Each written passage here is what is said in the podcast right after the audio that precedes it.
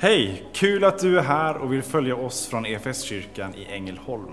Du kommer nu att få se eller höra en predikan från en av våra gudstjänster. Har du några frågor eller vill veta mer om oss som kyrka så kan du alltid gå in på www.efskyrkan.info. Vill du ha tillgång till mer undervisning eller ta del av våra inspelade konferenser eller gudstjänster gå gärna in på vår Play-kanal, efskyrkan.tv. Nu ska vi lyssna på denna veckas predikan. Ja, kära vänner, så får vi då fortsätta den här vandringen, precis som du sa Stefan, som vi har kallat Knatteligan. Och det kan ju låta lite nedvärderande mot, gentemot de stora och modiga män som har fört Guds talan i, i, i, tillbaka i historien. Men knatteligan kommer ju utifrån det att man kallar de här tolv profeterna för småprofeterna. Och jag vill bara ställa mig i ledet med dig Stefan. När jag, när jag kom till Johannelund och skulle läsa för eh, ett antal år sedan så hade vi en, eh, en kurs i GT med Loe, en av, min, en av mina tolv favoritlärare. Eh, vi hade bara elva lärare, men ja, det, jag vet inte. Men han var god som alla de andra. Eh, så ställde han frågan till, till klassen så, ja men då ska vi gå igenom tolv profetböckerna. Vet ni vad de olika handlar om? Och det blev så tyst i klassen och alla började titta ner och bläddra lite försiktigt. Så. Och han blev lite så här bestört. Vet ni inte vad de olika tolv profetböckerna innehåller och vad de bär för budskap? Men, men kära vänner, läser ni inte de här böckerna minst en gång om året? Vi kanske inte gör det så där jätteofta, kanske tyvärr, men, men ändå. Men jag ska ge er en liten ledtråd när det gäller Haggai. Den här kan ni idag, kanske om ett antal år komma ihåg vad Haggai handlar om. Du var ju inne på det innan. Det handlar ju om en hälsning och vi kommer ju återkomma till det om att bygga upp Guds tempel. Och Haggai kommer med hälsningen ifrån Gud till folket. Hugg i. Ni hör. Haggai säger hugg i. Kom igen, nu bygger vi. Så det blir bara en liten sån här hjälp till att komma ihåg. Så kan ni slänga med den som en liten så här, ja det är klart man vet vad Haggai handlar om. Det är när Gud manar folket att bygga templet och bygga upp det igen.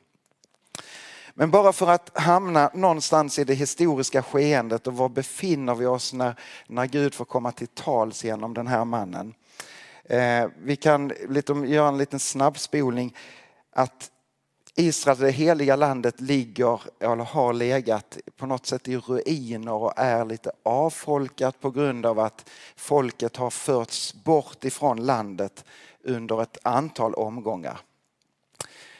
700-talet före Kristus så är det ett rike uppe i norr om, om Israel som, eh, som eh, har växt sig starkt och som invaderar Nordriket.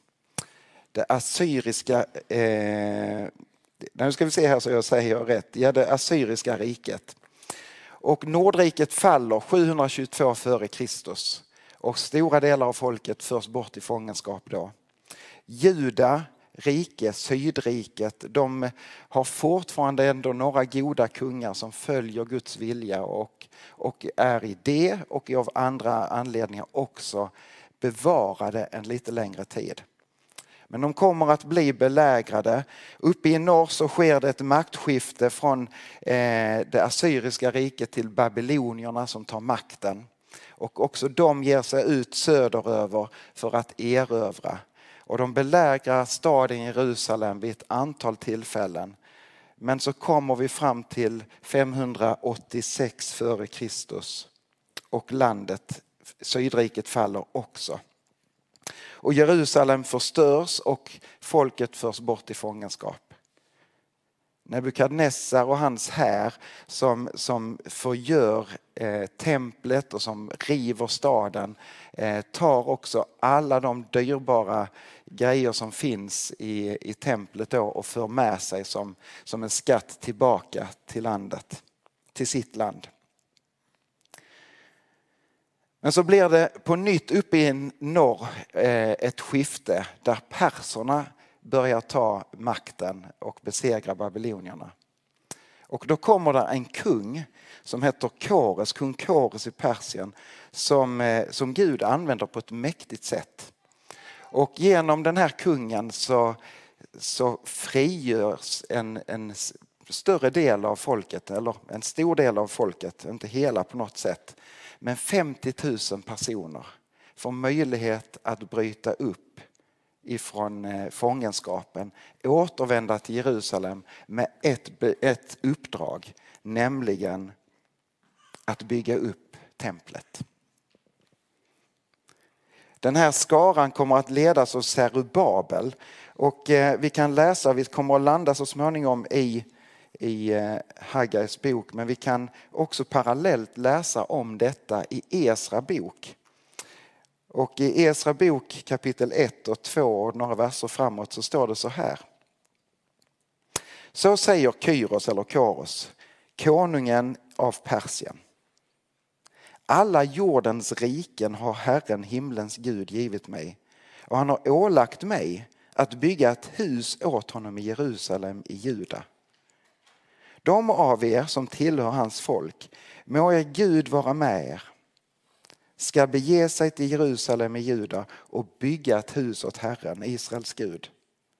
Han är den Gud som bor i Jerusalem och alla som finns kvar av hans folk ska få hjälp av invånarna på de platser där de bor.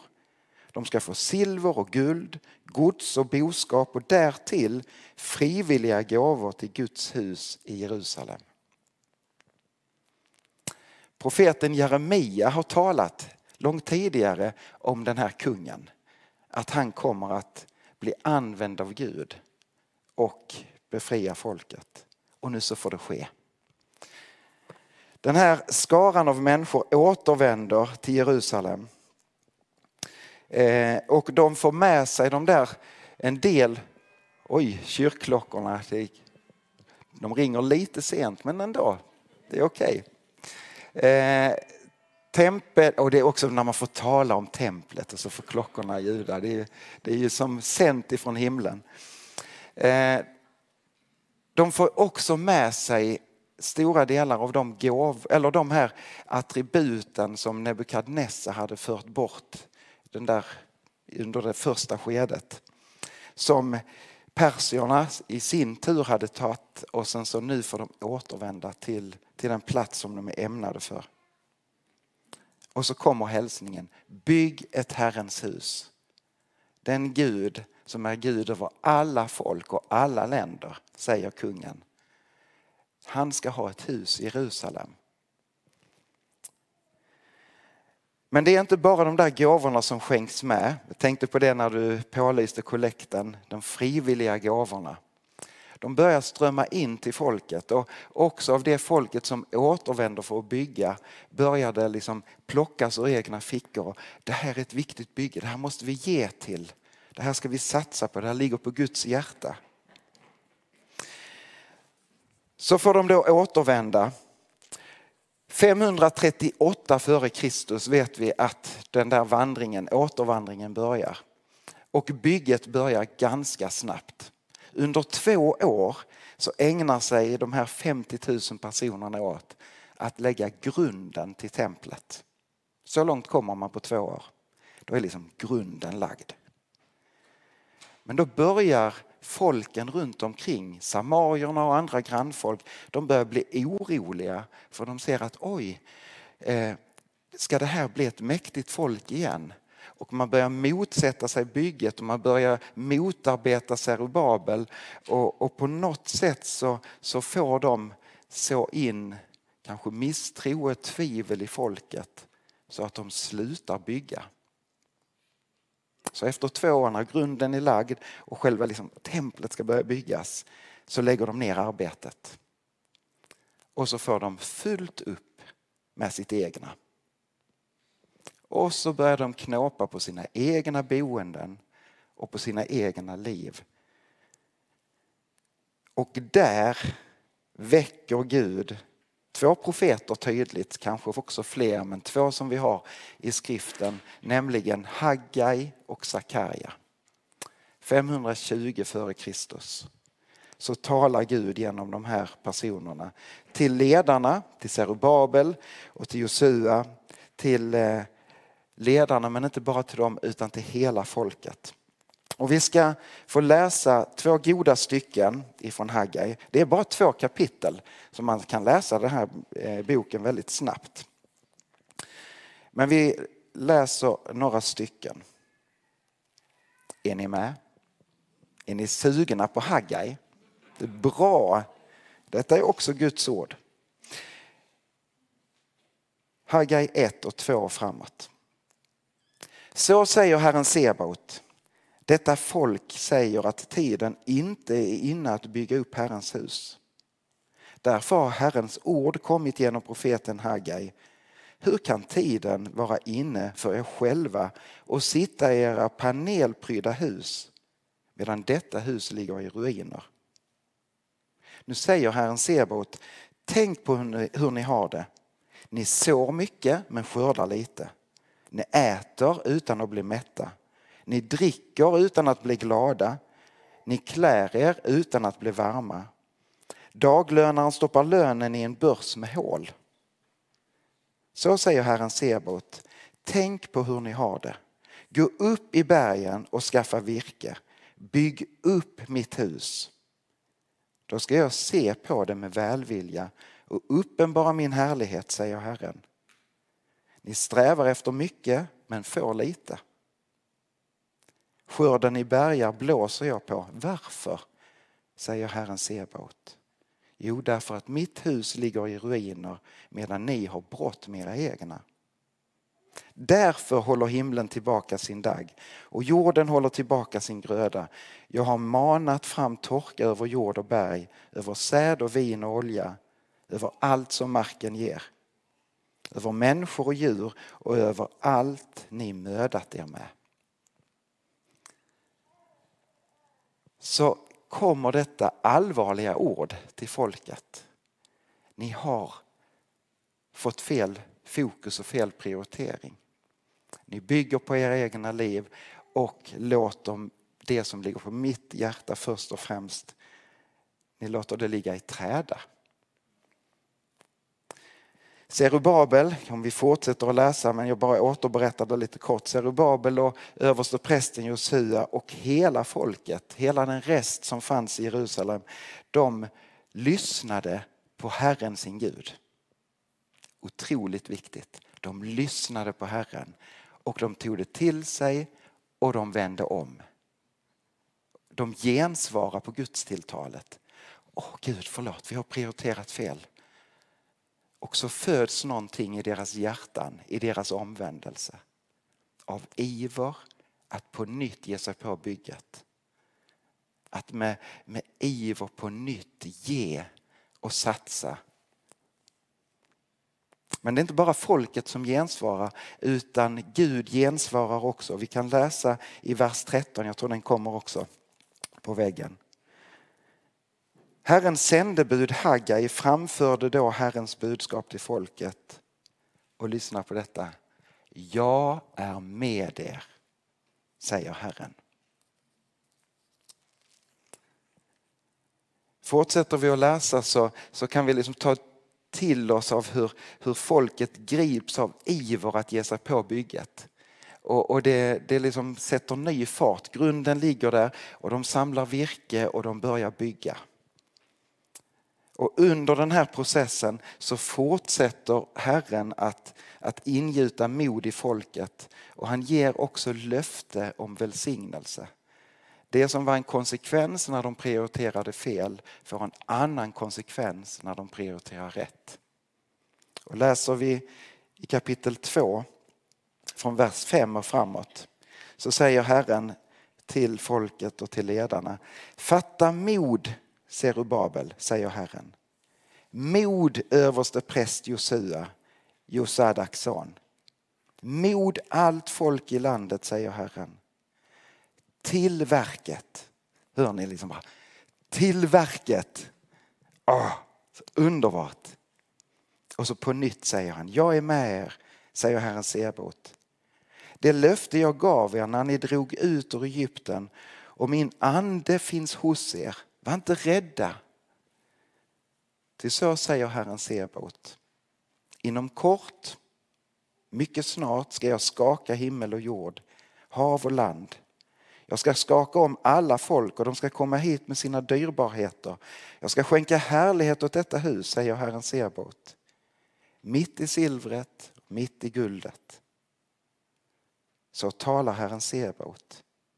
Härligheten hos detta hus ska bli större än den förut var, säger Herren Sebaot. På denna plats ska jag ge er fred och välgång. Så talar Herren Sebaot. Och så slutför Zerubabel och folket det här bygget. Det tar fyra år för dem att eh, se det stå klart. En byggnad som inte vi vet så där jättemycket om men som sen kommer att byggas ut till ett praktfullt tempel eh, långt senare. Men 516 f.Kr. så står det klart. Och templet det står där i Jerusalem. Kanske mycket annat ligger på något sätt, kanske inte i ruiner som, för de har ju byggt på sina egna hus och, och sådär så staden har liksom restaurerats. Men så står det som en, ett centrum i staden. Herrens boning, templet. Det står ju för det, templet. En plats där Gud vill välja att manifestera sig själv. En helig avskild plats för möte mellan människa och Gud. Mellan himmel och jord. Templet har ju en historia. Man kan säga före, förebilden till templet men som också är tempel i, i sig, det är ju tabernaklet som, som får ställas i ordning vid Sinai berg. När eh, Mose har fått leda folket ut ur fångenskapen i Egypten. De är förda till Sinai berg för att, för att hålla gudstjänst, de får ta emot orden ifrån Herren. Men så byggs också det här tabernaklet, det här vackra tältet som får vara tempelplatsen där de får söka Herren. Ett tempel som man faktiskt kunde bära med sig, det här tältet, på sin vandring genom öknen. Så kunde de packa ihop det och så kunde de sätta upp det. Men så får det också byggas ett tempel, ett praktfullt tempel av Salomo. Egentligen så var det kung David som ville göra det. Men han hade för mycket blod på händerna så att det fick bli hans son Salomo som byggde det första templet, det stationära templet i Jerusalem. Det sägs att det var helt täckt av guld, magnifikt. Och det var det templet som plundrades 586 av Nebukadnessar och hans här. Där guld revs ner från fasaden med all säkerhet. Alla attributen, de heliga attributen togs därifrån och det lemlästades och jämnades med marken. Och så får det här templet byggas upp, Zerubabels tempel. Som sen får stå där ända fram till Herodes börjar restaurera och bygga ut det här templet på 20-talet före Kristus. Ett bygge som sen pågår ända fram till år 68 efter Kristus. Så när Jesus han lever och han går till templet med sina föräldrar som barn men också sen, ja men förmodligen genom hela hans liv, så går han till ett bygge, en byggarbetsplats. Mycket stod säkert klart. Det var kanske detaljer, det vet ju inte vi. Det var magnifikt med all säkerhet på Jesu tid. Templet. Den fasta platsen i Jerusalem. Men så kommer då Jesus och Johannes han skriver ju så här i, i inledningen på, i sitt evangelium att ordet som var av Gud och ordet som skapade allting da, da, da, da, och så kommer det fram och ordet blev människa och bodde ibland oss och visade på Guds härlighet. Jesus Kristus. Ordet bodde ibland oss eller så skulle man lika gärna kunna skriva ordet tältade mitt ibland oss. Gud slog upp sitt tält, sitt tabernakel. Och vi skulle kunna säga att Jesus är templet. Han blir ju också anklagad sen när han står inför översteprästen Kajafas där det är några som falskt anklagar Jesus för saker och ting. Men bland annat så kommer detta upp att ja, men vi har hört hur han har talat om att riv ner templet så ska jag bygga upp det på tre dagar. När Jesus har talat om det så har han inte talat om en byggnad av sten och marmor och guld och annat utan han har talat om sitt eget liv. Riv ner det här templet och jag ska låta det byggas upp på tre dagar. På tredje dagen uppstod han igen ifrån de döda. När Haggai får sin hälsning ifrån Herren så ligger den här messianska förväntan i de orden vi läste senast från Haggai. Det kommer en tid då det ska vara en härlighet över det här templet som är mycket större än det som har varit. Och där ligger väntan på Messias. Och Kristus på något sätt säger, jag är det här templet. Fortsätter vi att läsa i Bibeln och hamnar så småningom i Uppenbarelseboken så, så får vi också en, en bild av att, att när Uppenbarelseboken talar om det himmelska templet så är det inte en byggnad av sten utan det handlade just om Jesus Kristus och, och, och Gud själv. Det står så här i Uppenbarelseboken 2022 läser man innan så det är bara så härligt. Det, det finns inte med så det vi förbereder men ändå. De tolv portarna var tolv pärlor, varje port en enda pärla och den breda gatan genom staden var av rent guld som var som genomskinligt glas. Tänk att vi har så mycket bekymmer om gatsten i vår tid. Staden var av rent guld. Något tempel såg jag inte, från vers 22. Något tempel såg jag inte i staden, ty Herren Gud, allhärskaren, och dess tempel, han är, är dess tempel, han och lammet. Så talas det om en tillvaro där Gud själv ska lysa upp. Solen behövs inte längre. Templet är han själv. När Jesus kommer så uppenbarar han för oss vem Gud är. Och han säger, jag är templet. Men vänner, så har vi ändå ett tempel att vårda i vår tid. Det står ju inte Jerusalem nu. Vi väntar det himmelska och hur det kommer att se ut och gå till det får vi upptäcka en dag. Men i vår tid så har vi fortfarande ett tempel att bygga på och vårda. Och där Gud kanske säger på nytt och på nytt, vänner, hugg i. Är ni med? Gå till verket. Och det här templet, det är du med och utgör i den du är. Det är rätt fantastiskt. Första Korintierbrevet 13, nej, första Korintierbrevet 3, eh, 16.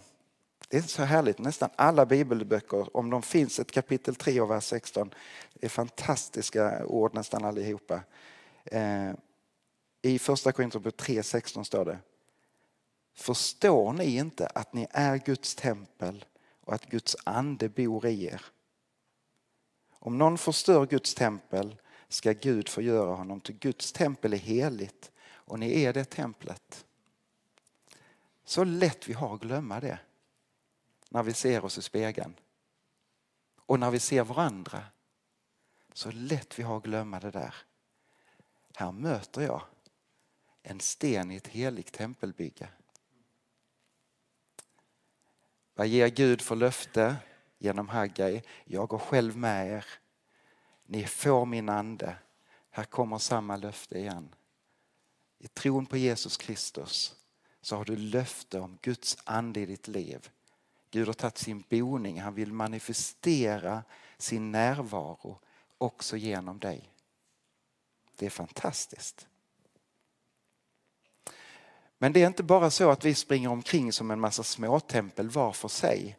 utan vi är stenar som fogas till varandra. Och där har vi också ett tempelbygge att vårda i vår tid. Fram till dess att Jesus kommer tillbaka. Och det är kyrkan. Församlingen. Vi får utgöra en, en liten del här. Men vi hänger ihop med hela kyrkan över hela vår jord. Och vi hänger ihop med varandra som, som stenar som ligger in till varandra. Efesierbrevet, det här får bli lite avrundningen. Eh, I Efesierbrevet 2, två stycken bibelord från Efesierbrevet. Jag ska bara se så jag säger rätt. 2, 20 22. Ni har fogats in i en byggnad som har apostlarna och profeterna till grund och Kristus Jesus själv till hörnsten. Genom honom hålls hela, hålls hela byggnaden ihop och växer upp till ett heligt tempel i Herren. Genom honom fogas också ni samman till en andlig boning åt Gud.